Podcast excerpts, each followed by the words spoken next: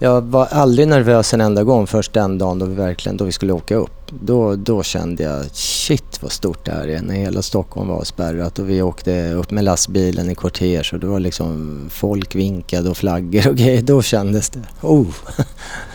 Då fick jag en sån här riktig klump i magen.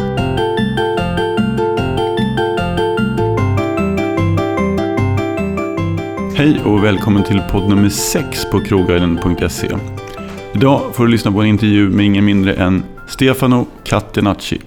Han började redan som 14-åring jobba tillsammans med sin pappa och är idag en av Sveriges mest hyllade och framgångsrika kockar. Stefano är kökschef på den anrika och klassiska restaurangen Operakällan. Det här blir ett spännande möte och det kan vara bra att veta att vi spelade in det här några dagar innan den svenska finalen till Melodifestivalen. Nu lyssnar vi. Vi säger tack till vår sponsor Statist.se för dig som vill synas i TV. Då säger jag välkommen till Krogguiden Stefano Catenacci. Rätt uttalat, tack. Fick öva lite på det. det var ju perfekt så, du satte den direkt. Hur mår du idag? Eh, jag mår bra. Det är en eh, vanlig dag på jobbet. Det är fullspäckat så det är kul. Vem tror du vinner Melodifestivalen på lördag? Oj, ska jag säga en sak? Vi har faktiskt tagit, precis tagit över eh, hela cateringbiten på Friends Arena. Jag har ingen aning om vilka som tävlar överhuvudtaget. Okej, okay, du står helt utanför. Ja, jag har hört att Måns Zelmerlöw är med. Är, det det? är han det? Han är med och han är fa stor favorit. Okej, okay. det är det enda jag har hört. När har du ditt första matminne? Vilken ålder var du då? Oj, första matminnet. Jag har ju så fruktansvärt många men eh, jag minns ju från tidigt, eh, när jag kanske var fyra, fem, sex år gammal, eh, att det här är just med söndagsmiddagarna, för pappa lagade mat varje helg. Så att på lördag morgonen känner man dofterna på allting som man börjar förbereda inför söndagen. Uh, jag ska säga, jag menar det är klart frukosten är ju lite speciell. I Italien så är frukosten faktiskt så att man äter ganska mycket sött.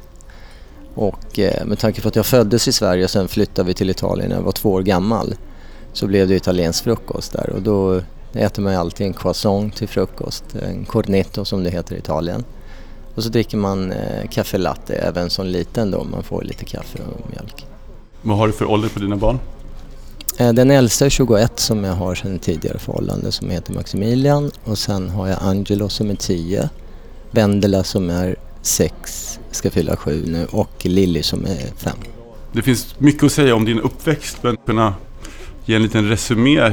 Ja, min uppväxt, eh, jag brukar säga det att jag avundas alla de som har varit ute och rest, de som har tågluffat och varit på koll och allt det där. Jag har ju aldrig fått uppleva det riktigt för att jag gick i skolan och så började jag jobba redan som 12-13-åring.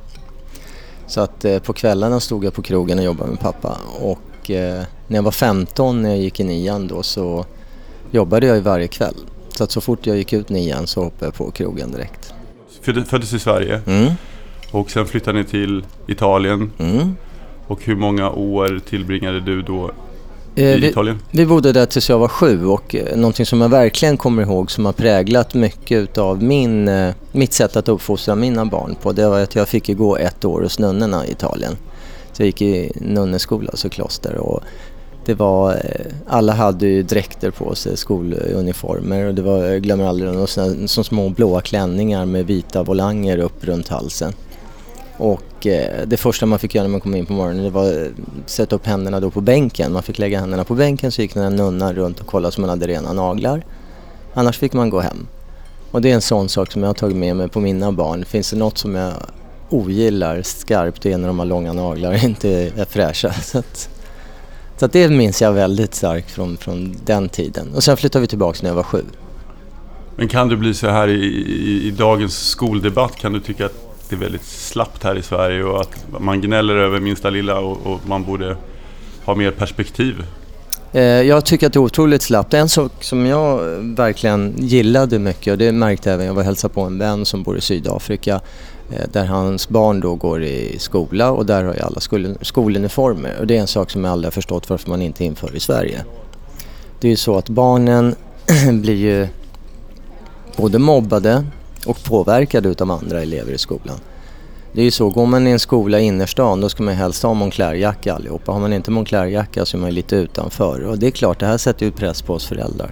Så hade du det lätt för skolan? Kunde du lära dig snabbt eller tyckte du att det var tråkigt att gå i skolan eller hur? Jag har alltid varit lättlärd vad det än gäller faktiskt så att jag har inga problem att gå i skolan. Jag eh, älskar ju matte, som exempel matematik har ju varit min grej jag älskar huvudräkning och eh, så att jag har aldrig haft några problem. Jag önskar kanske att jag hade studerat lite längre för att jag är otroligt intresserad av historia och mm, politik, allt möjligt. Så att, eh, men jag får ta igen det lite idag. Kände du liksom att det var så naturligt att komma in i den här restaurangvärlden så att det var inte en tanke på att plugga? Ja, ja så det är ju så att eh, i normala familjer säg, i södra Europa då, det är inte bara i Italien, så är det så att mm, ofta så går man i, i föräldrarnas fotspår då och eh, det är ganska normalt att om man har en familjeverksamhet så hoppar man på och jobbar där. Mm. Så att för mig så var det bara en naturlig gång att jag hoppade in i köket för att pappa stod i köket. Då. Det var inte bara pappa, det var ju hela familjen. Det var både mormor, gammelmormor, bröder. Alla jobbade på den här krogen som vi drev, Kaina då på Södermalm. När jag bodde i Italien så bodde vi inne i Rom och då eh, arbetade ju pappa som kock och sen under en period så slutade han faktiskt som kock och arbetade för ett tvättmedelsbolag i Italien som eh, gör tvålar, de här klassiska tvålarna som man har för att tvätta kläder med. De klassiska gröna som fanns i Italien. Och där var han något år och sen så gick han tillbaks till krogen igen och eh, sen flyttade vi tillbaks till Sverige då. Eh, och då blir det, ska vi se, sju år, 66, alltså eh, 73 flyttade vi tillbaks då till Italien, till Sverige igen. Stämmer det att ni fortfarande träffas varje söndag och har familjemiddagar? Det stämmer bra det. Varje söndag så är vi hemma hos mamma och pappa och äter söndagsmiddag. Vad trevligt. Mm, det är en jättetrevlig tillställning. Det är ju så att, eh, och vi har ju blivit fler och fler, det är ju så för att eh, alla har ju barn. Så att det blir ganska många när vi sitter där och äter. Paolo Roberto, mm. han tyckte att eh, familjerna skulle i större utsträckning ta bort iPaden på söndagar och umgås mer och äta långa middagar med sina barn. Mm. Ja, jag vill ju faktiskt försvara det där lite med iPaden för att vi får inte glömma att det är en ny generation och när vi var yngre så fanns inte sånt. Eh, det är många som säger att, oh, men gud, idag har ni det så lätt, ni bara ger en iPad till era barn så sitter de där med den. Men det får man inte glömma att det är även utvecklande för barnen att sitta med de här iPadsen så länge de inte bara sitter och tittar på filmer och kanske blir helt apatiska. Jag, jag försöker i alla fall för mina barn att när de har med iPadsen att de har lite mm, spel som ändå utvecklar dem. Kanske räkna, just det, de småtjejerna och sånt. Så att, eh, ja, fast det får inte bli för mycket. Jag håller med Paolo där. Att det kanske blir så att någon gång ibland kan vi plocka bort de här. Men jag är väldigt sträng där. Jag försöker få dem att är det fint väder då får de hellre gå ut och spela fotboll och gå ut till parken lite istället för att sitta och spela spel. Reser du ofta till eh, Italien idag? Ja, jag försöker åka dit varje år. Jag brukar åka dit på sportlovet och åka skidor i alla fall. Och eh, någon resa om året blir det alltid. Jag har en sån här stående varje år i slutet av november när italienska ligan håller på för fullt. Jag åker ner och träffar min vän och så tittar vi alltid på Inter-Roma för att jag håller på Roma, han håller på Inter. Så vi åker till Milano och ses där i två, tre dagar och så tittar vi på match tillsammans. Hur involverad eh, var du i, i er satsning här, Café Opera fotbollslaget? Var, det, var du väldigt delaktig eller var, hur, hur? Nej, jag var väl delaktig i allra högsta grad. Det var ju, först och främst så var det en rolig grej att vi startade det här lite på skoj, att vi spelade varje söndag och det var ju bara personal. Och sen så eh, startade vi faktiskt FC Café Opera i division 8 och så började vi spela där och så var det ju så att vi ville spela fotboll, speciellt min bror då för att det är roligt. Och då ville vi egentligen spela på gräs för det är ändå det som är det roliga med fotboll. Så att, eh, då hyrde vi själva varje söndag in oss på Kaknäs. Så att eh, alla våra bortamatcher försökte vi få till gräs och det är klart även de som spelade division 8 tyckte det var kul att komma och spela på Kaknäs istället för att spela på någon grushög i någon förort. Så att, Kaknäs, är det, är det en fin fotbollsplan? Det är där Djurgården har sin träningsanläggning så att de tränar ju på den gräsmattan. Så att det är klart, det var ganska häftigt att få spela på den. Så att då började vi i division 8 då. Jag var jätteengagerad med min bror. Vi spelade och så vann vi åttan ganska överlägset. Jag tror vi hade så målrekord. Vi över, gjorde över 150 mål i vår serie så att det var vi hade ju ganska duktiga spelare med oss också. Vi hade några dörrvakter som hade spelat upp på division 3 så att det blir sån fruktansvärd skillnad. Då.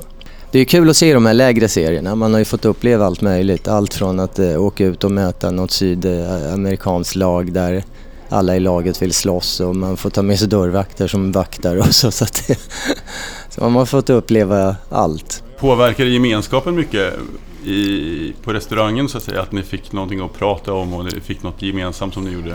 I allra högsta grad och det, det här med fotbollen var en jätterolig grej. Och som sagt, sen gick vi upp då till division 7, division 6 och sen när vi var i sexan så slogs Café Opera ihop då med Djursholms eh, fotboll som då var i division 4 för de skulle kanske lägga ner Djursholms fotboll.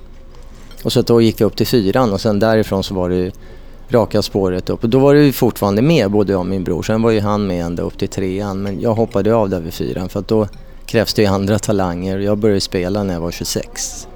Så att då var det lite svårt. Men sen gick det väldigt fort upp till superettan och då blev det helt plötsligt en stor business och en väldigt kostsam eh, business att driva.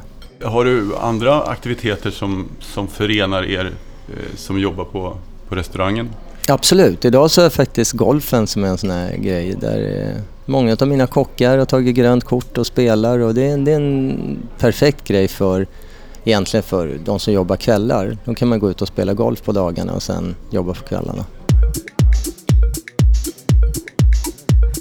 Alltså målet egentligen med, med, min matlagning var i början så var det så att jag arbetade med pappa och eh, så var jag nöjd över det jag lärde mig. Jag fick alltid höra hur duktig jag var men det försökte jag skaka av mig. Och, eh, sen den dagen jag bestämde mig för att börja på Operakällaren och då efter fyra år efter att min bror hade köpt Tore Wretman-koncernen då kände jag att jag ville kliva in lite i fine dining-världen och jag blev helt skakig och vet, eh, och vet att jag skulle börja på Operakällaren och det var ju så stort och, och få träffa Werner och jobba ihop med honom.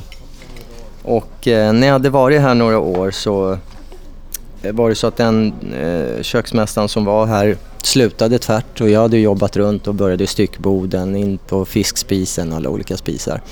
Och då fick jag frågan ifall jag var intresserad utav att ta, eh, ta det utav min bror och det, det självklart sa jag ja till det. Och det som jag alltid har haft som styrka det är att jag hade ju Werner bredvid mig som eh, peppade mig med allt och alla frågor jag hade hjälpt han mig med. Och eh, det, det jag aldrig glömmer var att han alltid sa det att han såg, han såg sig själv i mig när han tittade på mig med den här glöden, ögonen och eh, känslan att vilja laga mat. Många som lyssnar på det här är kanske lite yngre generation och de känner inte till så mycket om Werner och Tore Wretman mm. som, som var... Jag kan göra det ganska kort faktiskt. Tore Wretman var ju en fantastisk, eh, ska, ska man säga, entreprenör. Han var en fantastisk krögare och eh, framförallt så var han fantastiskt duktig på att marknadsföra eh, matlagningen. Sen tog han ju över Werner då på, i slutet av 50-talet från Grand Hotel till Operakällan som öppnades upp då 61 efter en stor ombyggnad. Och eh, Werner är väl den som alltid har varit i skymundan av Toren men det, det, det är alltid så. Tore har synts utåt och Werner har kanske stått bakom grytorna då och lagat allting. Och de hade ett fantastiskt samarbete. Jag menar, de skulle jag vilja säga är ju de två som har satt Sverige på kartan lite grann. Werner har ju aldrig talat eh, dåligt om Sverige. Han har ju alltid höjt Sverige till skyarna var han än har kommit utomlands. Och han skulle jag vilja säga med sina internationella kontakter är den som faktiskt har tagit Sverige utanför Sveriges gränser. För oss som är sextalister, han blev ju liksom som en ikon också i det här programmet. Rassel, mm. kommer jag ihåg med, med Melander och Åke Cato tror jag mm. det var. Werner och Werner. Werner och Werner skämtade lite om honom, men, men det var ju också, det måste ju vara ett credits-inslag också. För. Ja, absolut. Han tyckte det var kul. Han skämtade själv om det där att det går lika bra med selleri när han skämtade om det. Så att, eh, absolut. Men de, jag måste ändå säga att de, de är det kanske alla yngre kockar ska lära sig att eh, finns det några som har satt Sverige på kartan så är det dem. Sen har ju vi varit duktiga, den här generationen som är nu, nästkommande generation är duktiga på att förvalta det. Men eh, vi måste ju ändå erkänna att svensk gastronomi har inte sån här jättelång eh, historia. Det är inte så att det sträcker sig tillbaka flera hundra år som kanske gör i andra länder.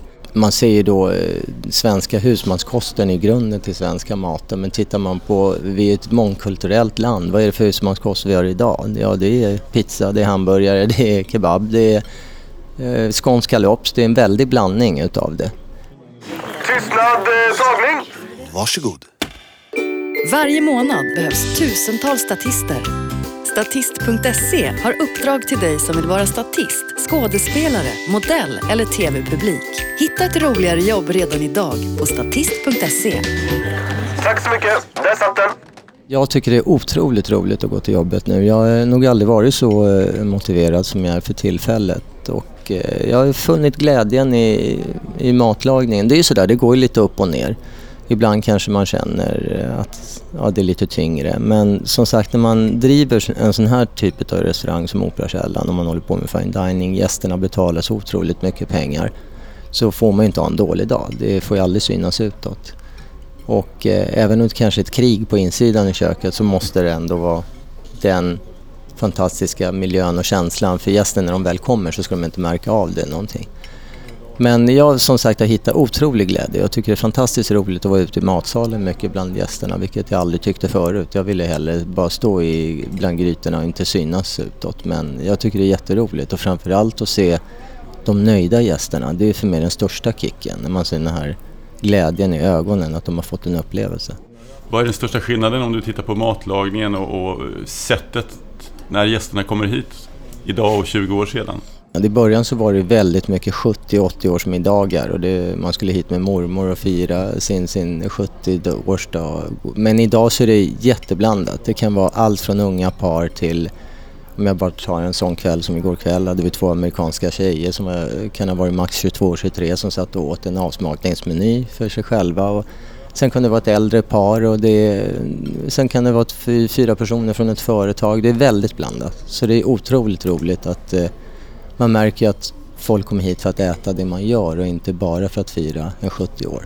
Kanske är svårt för dig att svara på, men vad tror du det är som gör dig till en så fantastisk kock? Eh, jag, jag, tror att det allra viktigaste är att man måste vara ödmjuk. Man får inte glömma ödmjukheten. För att det, är, är det, det farligaste av allt är när man eh, vad ska jag, slår sig för bröstet och eh, springer runt och tror att man är världsbäst. Det, det kan gå så himla fort åt andra hållet så att det, så att det är enklast att vara ödmjuk från början. Och, eh, och sen att respektera det, det man eh, det man jobbar med. Jag menar, för mig är det jätteviktigt att respektera råvaran som, man, som man behandlar. Och, eh, sen är det väl kanske det att jag har en liten fördel med att jag har en sydländsk bakgrund där man kanske är uppväxt med mat på ett annat sätt.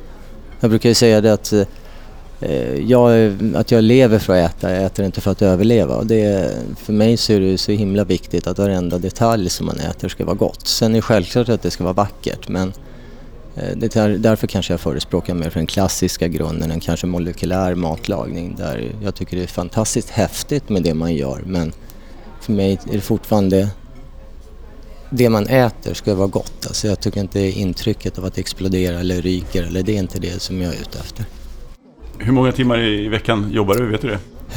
Ja, gud, det är svårt att säga. Frågar min fru så säger hon dygnet runt. Så att, eh, det är det är en fördel nu i alla fall när jag flyttat in till stan. Förut bodde jag i hus och jag hade aldrig tid att åka hem. Men nu när jag bor i stan så är det ändå så att jag åker hit halv nio på morgonen och så kanske jag åker hem en liten sväng mellan fyra och sex och sen kommer tillbaka när vi öppnar och så jobbar jag till sena kvällen. Så det, det, är svårt att mäta i timmar men det är många timmar varje dag. Skulle du säga att du är teknikintresserad i köket? Jag hörde någon prata om en sån här Juspergrill. För mig, jag har ingen aning vad det är, men man pratar om induktion och gas och öppen eld. Och, Ja, nej, nej, det där, jag känner till det självklart. Jag är ingen sån som eh, säger att nej men så här gjorde vi förr och det var bättre förr. Absolut inte. Jag är öppen för alla förslag och eh, välkomnar allt nytt som är bra. Absolut. Sen finns det vissa saker som kanske går till överdrift. Jag tycker fortfarande att det kanske dumt att man behöver inte använda sig av pulver för att göra ett bra skum. Kan man göra naturellt så är det ganska häftigt att göra det. Sen självklart finns det ju saker som man kan tillägga som gör det bättre. Men jag måste säga att jag beundrar Werner och Tore och de som fanns på den tiden som lagade mat med de redskap som de hade. Att eh, kunna, eh, jag brukar alltid säga det när jag är uppe på slottet och lagar mat, det finns en ugn, en gammal ugn som är så 300 grader över undervärme. Jag brukar kalla det för kremeringsugnen. Jag menar att de kunde få till en fågel på ett perfekt sätt i en sån ugn. Idag så har vi ugnar som är så tekniska att du bara ställer in fågeln och så har du kärntemperaturen i låret och eh, rätt fukt och så kommer den ut så är den perfekt stekt. Så att du behöver inte vara någon riktigt duktig kock idag för att laga mat på samma sätt som man kanske gjorde förr. Jag hörde på en intervju med Mattias Dahlgren. Han sa att han kunde njuta när det var väldigt, väldigt mycket att göra. Alltså när det nästan var för stressigt och för mycket. Njuter du när det är väldigt mycket att göra? Eller? Absolut, jag njuter ju varje gång vi har fullt och det är jättetryck. Men vi får inte glömma att en positiv stress är ju en fantastisk stress. Det är en riktig kick för kroppen. Och när man har en eh, perfekt kväll, Eh, det får man inte glömma för att det kan vara Ibland kan man sitta i skiten i köket på 20 gäster och eh, ibland så känns det, har man 50 gäster så känns det som det var 10. Så att det beror ju på hur gästerna kommer och vad de äter, hur de beställer. Men det är en jäkla kick att ha liksom full krog och man märker att det fungerar liksom som en, som, nästan som en symfoniorkester och, det, och konserten är fulländad när, när det har gått bra hela kvällen. Det är en jättekick.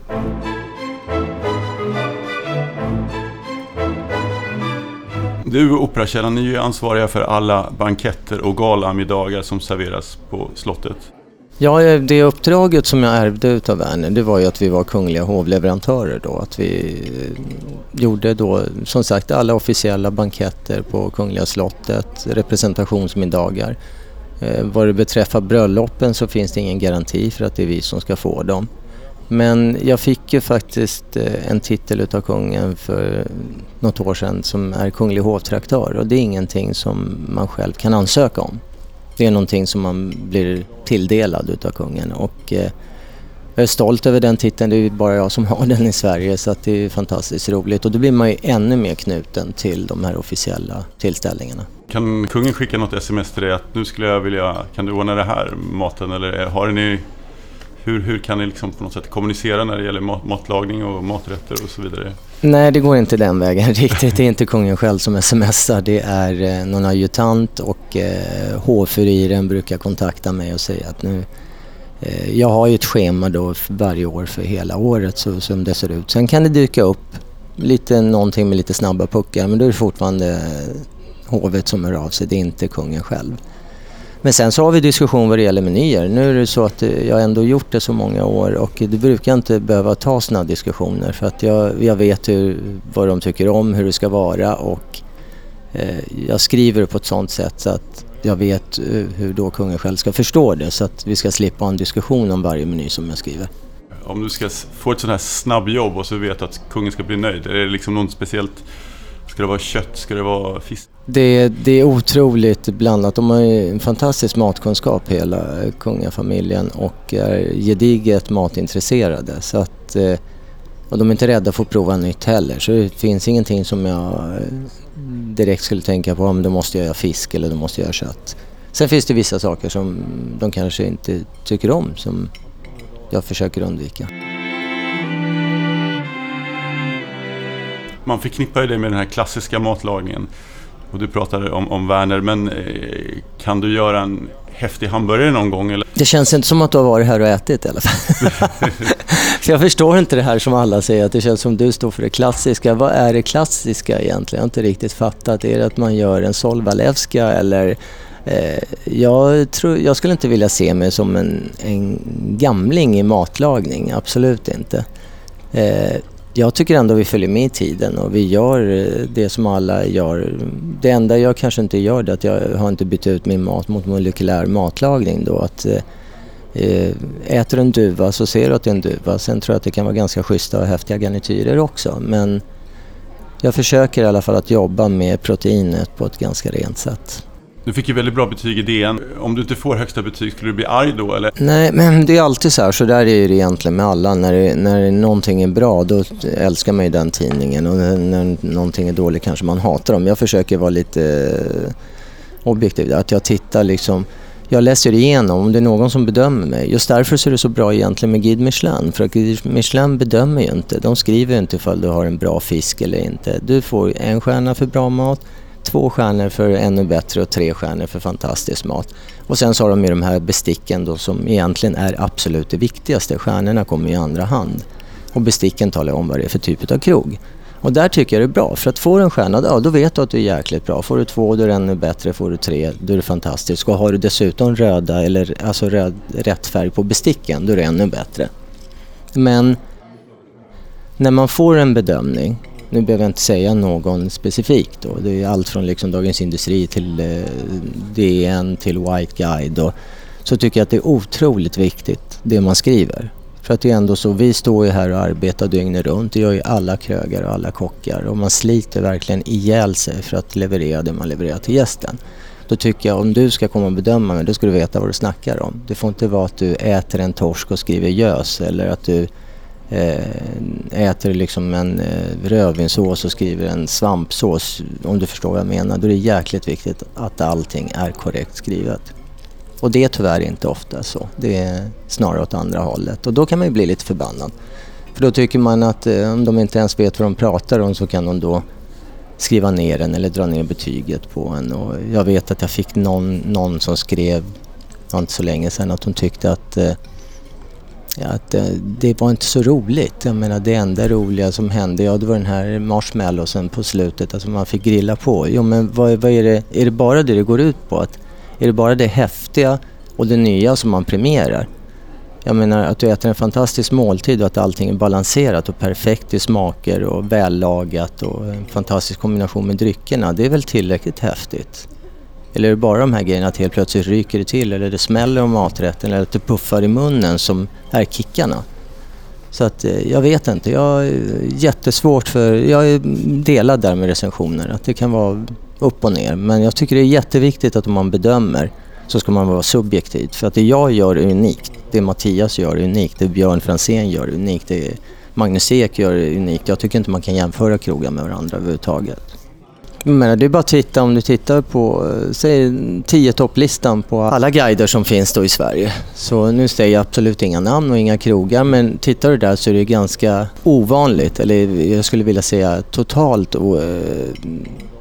obefintligt att en ny krog som har kommit upp som är ny och häftig inte finns med bland de tio topp.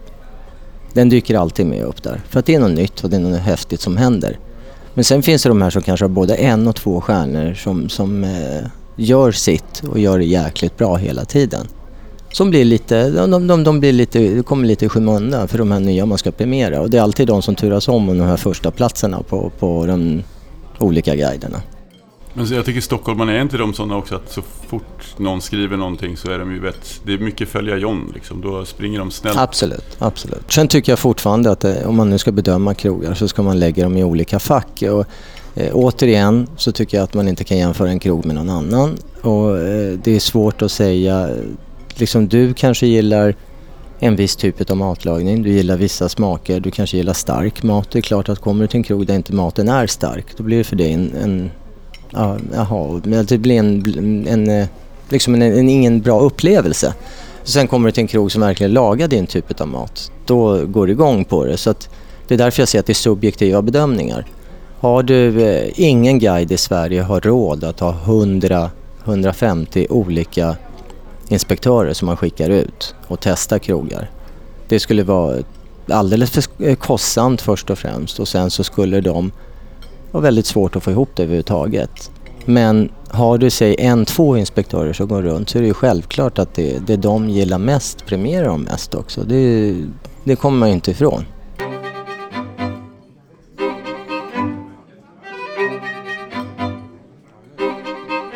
När du fick ansvaret för Victoria och Daniels bröllopsmiddag, kommer du ihåg liksom hur du fick det meddelandet? Vem, vem ringde dig eller hur fick du, hur fick mm. du reda på det?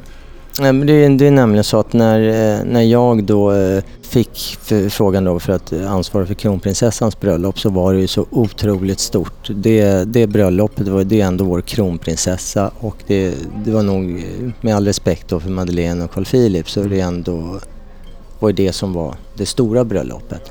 Och eh, då var det ju så att de hade fått förfrågningar från hela landet. Jag vet inte hur många kockar som hade skickat in och sagt att de gärna skulle vilja ansvara för middagen och de skulle ställa upp och jag tror även många skrev att de skulle göra det gratis och allt möjligt. Och, och det var ju så att de själva personligen hade önskemålet att jag skulle göra det. Så att då var det bröllopsgeneralen då som han heter eh, som eh, ringde upp mig och sa det att du du är den utvalde, sa han. Okej, okay. så det kändes ju verkligen hedrande. Så det var ganska häftigt. Jag var aldrig nervös en enda gång först den dagen då vi verkligen då vi skulle åka upp. Då, då kände jag shit vad stort det här är när hela Stockholm var spärrat och vi åkte upp med lastbilen i kortege och det var liksom folk vinkade och flaggor och grejer. Då kändes det, oh! Då fick jag en sån här riktig klump i magen. Men allting gick bra, eller hur? Det gick strålande faktiskt, det gick jättebra. Men hade de mycket själva önskemål om, om eh, Det är egentligen i princip som eh, alla eh, bröllop. Brudparet kommer hit och man diskuterar och självklart så är det här uppmärksammat med tanke på att man har ju ögonen på sig från hela världen så att eh, det viktigaste av allt som var i första som båda sa är ju självklart att det ska vara svenskt och det, det var ju för mig ingen nyhet. Jag hade inte trott att de skulle vilja ha en eh, japansk middag eller en eh, italiensk middag. Det förstod jag att det skulle vara svenskt så att eh, det utgick jag ifrån redan. Och sen så eh, självklart så byggde jag det lite på de smaker som de tycker om. Vi som inte riktigt vet hur det går till, alltså hur lagar du middagen fem gånger och provsmakar och ändrar eller är du... Tekniskt sett så blir det att de kommer och proväter självklart och sen så är det så att man får inte glömma det när man gör sådana middagar att eh, Eh, man skulle kunna göra en fantastisk grej när två personer kommer och äter men sen ska du laga upp det här för 600 och det ska vara lika bra för alla 600. Så att jag vet ju direkt då vad jag kan göra och vad jag inte kan göra, vad som fungerar i tekniken för att få ut det till de här 600 personerna. Och sen att de sitter på olika ställen, det ska vara varmt och ja, det, är många, det är många detaljer som spelar roll där. Och som sagt, vi provade några gånger och sen så när, när vi väl hade satt menyn så då var det bara för mig att börja jobba tekniskt sett och se till på okay, hur värmer vi det här på bästa sätt, hur steker vi det här på bästa sätt och, och så var det bara att jobba på med det. Bara för att bevisa vilken fantastisk eh, kronprinsessa vi har och hur hon tänker på folket överhuvudtaget så var det så att när vi hade bestämt menyn så eh, gjorde vi en dessert som bestod av en eh, rabarbermousse med, eller förlåt, jordgubbsmousse med rabarberinteriör då. Och hon, jag tycker, eller kronprinsessan ogillar ju mousse överhuvudtaget. Okay. Och då var det så kul för att när jag gjorde den och hon testade så sa hon, jag kan ju ändra moussen och göra någonting annat. Nej, sa hon. Det här kommer gästerna att älska och det struntar jag i. Även om jag inte tycker om det så kommer de att älska det här. Så att det tar vi. Även om det var hennes bröllop. Det tycker jag var stort gjort. Men eh, mitt bröllop var ju lite annorlunda. Det var ju precis så som jag kände att eh, när, när, man ska ha en bröllopsmiddag så finns det så mycket regler som man ska följa. Eh, och många av de reglerna tog jag bort. Jag ville ju ha... jag gillar ju mat från hela världen så att eh, förrätten bestod utav, jag kommer inte ihåg ifall det var tio olika smårätter. Det var allt från sushi till eh, en liten pasta men det var väldigt blandat. Och sen så avslutade vi med att ha en fantastisk dessert som, det, som alla åt istället för att man ska ha den här bröllopstårtan som är bara fin att se på. Sen är det ingen som tycker det är gott egentligen. Sen hade vi en bröllopstårta bara som symbol eh, som vi tog sen senare på kvällen. Jag läste här i någon tidigare intervju att du hade fem desserter plus bröllopstårta. Mm. Och vickning såklart. Ja, det var en desserttallrik med fem små desserter på. Det, även där så tycker jag det är gott att man har små smakprover utav allting istället för att ha en stor dessert.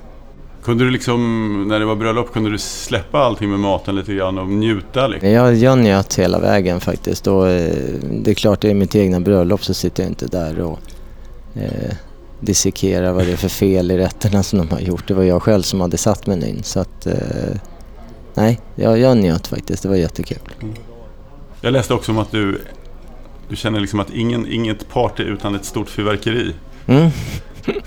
Har du Där liksom... kommer den här galna, galna sidan hos mig och det är så kul för att jag älskar fyrverkerier och det, det var verkligen, det var det första jag sa att jag ska ha ett stort fyrverkeri på mitt bröllop. Och det hade jag. Eh, och bara för att berätta en liten rolig grej där, nu kan jag ändå säga det, för det var för några år sedan. För vi flyttade in till stan och vi bor på en liten gata där det är eh, den är ganska liten och det finns en liten gräsplätt i mitten på gatan och det är mitt i stan. Och jag glömmer aldrig, jag hade köpt två sådana här jättelådor med fyrverkerier. Så att jag drog ju på dem där på nyårsafton och det var ju... Jag har aldrig varit med om något liknande. Det kändes som man var i, i krigszon alltså. Det var, det var rök på hela gatan. Alla billarm gick igång och barnen började gråta och det smällde till höger och vänster. Jag bara tänkte snart kommer polisen, jag kommer bli inspärrad för det här. Så att då, då bestämde jag mig för att kanske ska ta det lite lugnt med fyrverkerier. Det jag älskar med fyrverkeriet är egentligen som allt vi gör i livet. Liksom när man springer 100 meter så är det avslutat, man går in i mål liksom. Eh, när man föder barn så är det när barnet kommer fram och när man liksom lagar en middag så är det den här sista njutningen när gästen liksom tackar. Och det är samma sak med fyrverkerierna, man bygger upp ett crescendo liksom och sen kommer den här jättefinalen som är så fantastisk. Och då tycker jag inte det spelar någon roll vad det är för färger och sånt. Men jag tycker att det ska vara en bra kombination av färger och smällar. Från fyrverkerierna till, till Kockarnas kamp. Mm. Hur gick det till när du blev tillfrågad? Ja, egentligen så var det en vän till mig som ringde upp mig och, eh, och frågade vill du vara med i den här produktionen? Vi ska göra en demo. Då, då var det ju Friday som bolaget hette som gjorde en eh, presentation då till, som man sen säljer in till kanalerna. Och då var vi ute på ett slott och det var jättemysigt. Det var jättekul. Vi lagade mat, hade så lite myspys och sen avslutade de med att de hade någon sån här liten tävling. De bara skulle skoja till det och skära av en lina med, tre, med en kniv och vem som skar den först. Och, och ja, det kändes ju trevligt så det där ville jag vara med på. Men sen när vi alla hade skrivit på och väl kom till Skåne så fick vi veta allvaret och då var det så att en kunde åka ut i varje program. Lite Robinson-aktigt? Eh, ja, och då kände man så här, shit vi är tio kockar här och det är tunga namn för de brände ju på riktigt tunga namn direkt i första programmet. Och, Verkligen. och då blev, fick ju alla blodad tand för det är klart att man inte vill åka ut och skämmas. Och, så att det, det var ju bara i järnet egentligen. Har du några minnen liksom från inspelningen? Det är ju dina, en, många kände du och några kanske du inte har träffat så många gånger? Eller? Ja, jag kände alla som var med men vissa kände jag bättre och vissa lite sämre. Men Eh, Eh, det enda jag kommer ihåg är att det var en pers faktiskt var med i det där programmet. Det var... Eh, skulle jag vetat, eller jag tror att om alla vi som var med skulle vetat hur, eh, hur det skulle se ut och vad det var för utgång på programmet så skulle ingen ställt upp. Det sa vi alla efteråt. Jag hade ett gästspel som var en mardröm faktiskt när jag var i Dubai och skulle laga mat för Sheikh Nahayan. Eh, då var det 250 gäster som vi skulle laga mat för. Jag hade ju skeppat ner all mat och eh, för att bygga upp en avsmakningsmeny då, sju rätter. Och då är det så, då bygger man ju upp det att man kanske har eh, 60 gram röding och så har man 70 gram renfilé och, mm, så att det ska räcka till de här smårätterna då. Och så kom jag ner och då var det fyra dagar innan och så träffade jag den här ansvariga personen så var jag ute och tog en öl med honom på kvällen. Eller de andra tog en öl, jag dricker inte så mycket öl men och, eh, och då säger han till mig, eh, ja han pratar lunch och sa ja det är klart att vi kan ta en lunch men det kanske inte är så lämpligt nu när vi ska förbereda allting för middagen. Och efter mycket om och men så, så förstod jag att han pratade om själva tillställningen då. Och det var ju det att Sheikh Nahayan hade ändrat det att han ville göra en lunch, en trerätters lunch istället för en sjurätters middag för 250 gäster. Och de råvaror vi hade tagit med var ju byggda för att göra en sjurätters. Det fanns ju ingenting proteinmässigt som skulle räcka till en trerätters. Så där fick jag ju tänka om jäkligt snabbt och kasta ihop allting och få ihop en trerätters. Men det var en, det var en mardröm att göra den, den lunchen för att det kändes inte som...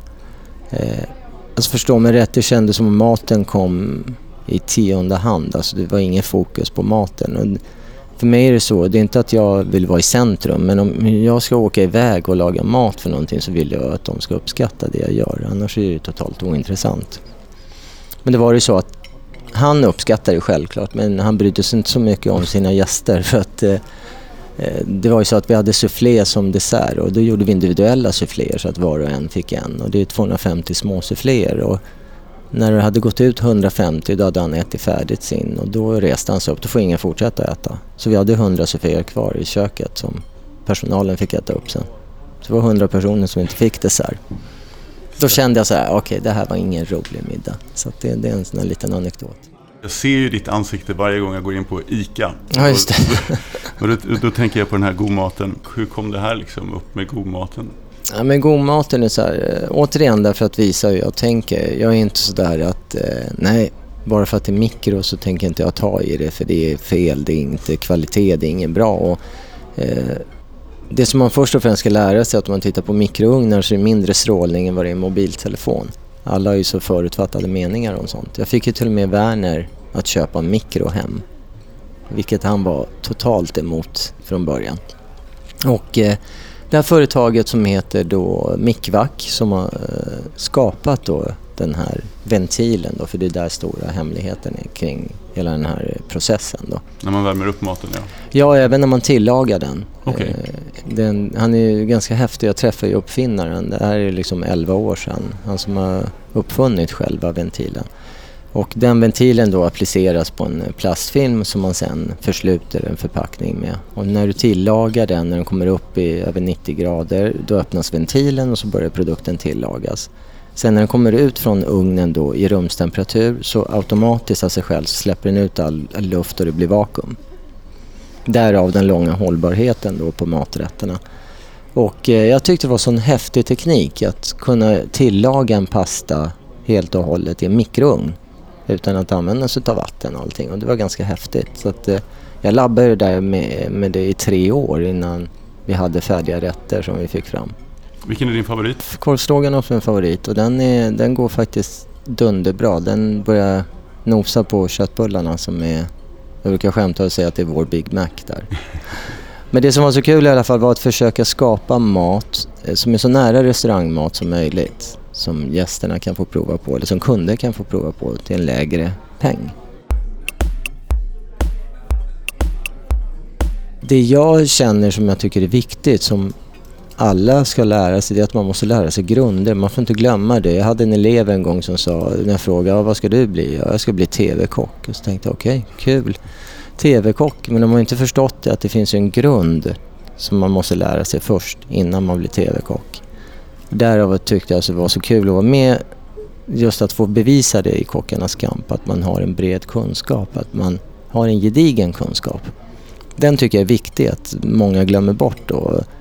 Att det är så häftigt att ha jobbat på Noma som exempel men eh, du kanske ska arbeta på en lunchkrog i ett tag i några år och bygga upp liksom, eh, jobba på en krog som, där du får lära dig liksom att stycka eller gå styckningskurser och hela det kittet innan du hoppar på en sån krog. Jag jag vet inte, det jag tycker är tråkigast av allt är att vi har så otroligt lite kvinnor i, i vår bransch. Och det, tittar man på skolorna så är det faktiskt 50-50 när de väl går i restaurangskolan. Jag tror att många kanske väljer restauranglinjen för att den är enklast att komma in på också. Men det brukar vara 50-50 och sen när de väl kommer till kritan så är det bara 10% tjejer kvar. Och det tycker jag är lite synd faktiskt. För att, eh, jag brukar säga att ibland när man hittar bra kockar, om man tittar då tjejer kan nästan vara bättre än vad killar är. De har eh, en mycket mer ödmjuk inställning än vad killar kan ha. Så att, och det, det brukar hjälpa till att man blir bättre faktiskt. Men eh, när jag intervjuade Sally Voltaire så sa hon att det var ju väldigt, det är oftast väldigt grabbig stämning. Nej men det är så kul för att alla säger att det är så hård och grabbig och tuff och sexistisk stämning på krogen. Eh, men har du varit på en bilfirma någon gång och hört hur de pratar där eller i, byggbranschen så att eh, jag, jag tror inte det är så farligt faktiskt och så tufft är det inte i ett kök. Jag tror att tjejer kan hävda sig väldigt bra där. Så jag tror inte det har med det att göra, absolut inte. Jag tror att det mer har med att göra med att eh, när det väl kommer till kritan så är det kanske många tjejer som väljer konditori eller väljer kallskänk men och inte riktigt går in i varmköket, vilket är synd faktiskt. Som sagt, jag tror att vi skulle behöva fler kvinnliga kockar och som sagt, många av dem jag sett är bättre än många killar. Vi har haft någon sorts korvtrend, vi har de här långkoken. Till och med Ikea serverade syrade grönsaker. Det här som vi pratade om tidigare, fin pizza, eh, fin kebab. Jag misstänker att du lyssnar ju hela tiden och, och, och, och vad ser du för trender eller hur, hur, hur tänker du? Nej men trender kommer och går, det, får man, det, det som är klassiskt består, det får vi inte glömma. Det, är, eh, det är så kul att se för att mm, just när den här eh, trenden kom att man skulle bygga mat på höjden, det höll sig ett tag, sen försvann den. Och sen så finns det, kom den här hela molekylära matlagningstrenden där till och med leverantörer sålde ut lådor där det fanns alla olika pulver och så fanns det pistoler eller sprutor för att göra sfärer och eh, you name it, allt möjligt. Och det är klart att det är kul med sådana trender men jag tycker det är viktigt när, man, när de här trenderna kommer att man kanske plockar ut det bästa som, som man tycker själv. Det viktigaste av allt är att man har en egen röd tråd om vad, vad som gäller med sin med matlagning. Sen att man liksom flickar in med olika trender. Och återigen, jag tycker att Eh, som exempel den här trenden med att man ska laga mat med cirkulator, den tycker jag är fantastisk. Att vissa saker ska man ju ta vara på. Om du skulle få öppna ett nytt ställe som kanske var lite min, ett litet ställe. Det behöver inte vara så att du gör det i verkligheten utan bara tänker i fantasin. Är det någonting så att det skulle, det skulle vara lite spännande att dra igång det här eller det här? Mm. Eller? Ja det är klart, fast då bränner ju min idé här rakt ut allihopa. Nej, men, nej men jag tror att det är en ny trend som, som kommer, eller den som kommer vinna på det. Det, det är nog om man följer allt det här med alla allergener i matlagningen. Det är, det är så otroligt många som är laktos och glutenintoleranta idag. Eh, nötallergiker och socker, salt. Så att eh, där har vi faktiskt redan ett koncept som vi har lagt ut på nya hotellet Miss Klara som vi har på Sveavägen. Och det var ju min brors idé vilket jag tyckte var fantastiskt bra. Han säger ju själv, han har en familj på sju personer så ska de gå ut och äta. Utav de sju så finns det en som är laktosintolerant, en som inte tål gluten, eh, en av dottern är vegetarian. Och kunna hitta ett ställe där du kan få allt det här det är ju fantastiskt. Och så har vi skapat då på Miss Klara där vi har eh, eh, väldigt mycket vegetariskt. Vi har, eh, jobbar inte med mjöl på samma sätt. Vi jobbar sockerfritt och glut, eh, laktosfritt. Och, så att det, det är häftigt att kunna gå till ställen och få samma upplevelse och slippa känna sig som en ska man säga, som en böld bara för att man kommer och har, som är laktosintolerant, ja då ska jag få sämre och tråkigare mat. Så att det, det är klart, det skulle vara häftigt att kunna öppna en sån krog eh, som verkligen hundraprocentigt kan tillfredsställa alla. Det är en bra idé. Det är en bra idé men ja. den är tuff alltså. Ja.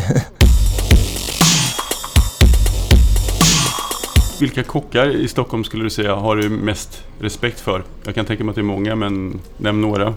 Jag har ju respekt för alla men jag har ju några som, som jag håller väldigt högt. Det är ju självklart Mattias Dahlgren, det är Niklas eller förlåt, eh, Magnus Ek. Det är eh, eh, Sajan på esperanto, Björn Franzén. Ja, det, det, finns många som jag håller högt. Och sen är alla de här nya som kommer, självklart killarna på Lilla Ego och de som jobbar för gastrologik. Det finns ju fantastiskt många duktiga nya. Hinner du, hinner du gå ut på några krogar så här av nyfikenhet eller bara för att testa något? Nej, det är faktiskt jättedåligt med det. Så vi pratar om det faktiskt, eh, alla, jag och mina kollegor när man sitter med då i årets kockjuryn, att man hinner aldrig gå och äta hos varandra. Men man kanske kan tvinga sig till att äta hos varandra. Så det är så här, okay, om du kommer att äta hos mig så blir jag tvungen att komma och äta hos dig. Så att man gör någon form av byten. Så det har jag börjat med lite grann. Och det, så nu har jag någon innestående som jag måste gå och äta. Hur, hur står sig Sverige i jämförelse med andra länder tycker du? Mm, jag har ju den fördelen då med att jag har, mm, kommer då från början från en annan kultur och eh, har fått sett hela den här resan som Sverige har gjort och den här svenska gastronomin då som har blommat ut. Och idag så tror jag att Sverige står sig väldigt högt men fortfarande så är det så att vi når ju inte riktigt dit. Alltså alla är så här, varför får vi inte en trestjärnig krog i Sverige? Varför ska det ta sån tid? Och jag tror att det mycket har med att göra med att de här länderna har en lång kulinarisk historia som gör att det, det, det har tagit många år att bygga upp det. Men vi är på god väg. Men de senaste 20 åren har det hänt otroligt mycket i Sverige, det får vi inte glömma. Och idag så tror jag att Sverige står sig väldigt högt. I framtida intervjuer, har du någon person som du skulle vara lite nyfiken på då? Jag skulle faktiskt vilja, även om jag känner någon så skulle jag vilja höra Sayans eh, story faktiskt lite. Shibumi och... Eh, ja men överhuvudtaget eh, att, att han är där han är idag. Jag vet ju inte hans bakgrund eh, så det skulle vara kul att få veta lite mer. Då tackar jag dig så mycket för att du ställde upp här idag i Krogguiden. Tack så mycket. Tack, det var allt för idag. I nästa vecka så träffar vi Jon Widegren från Flipping Burgers. Missa inte det. Hej då! Tystnad, eh, tagning! Varsågod. Varje månad behövs tusentals statister. Statist.se har uppdrag till dig som vill vara statist, skådespelare, modell eller tv-publik. Hitta ett roligare jobb redan idag på statist.se. Tack så mycket, där satt den!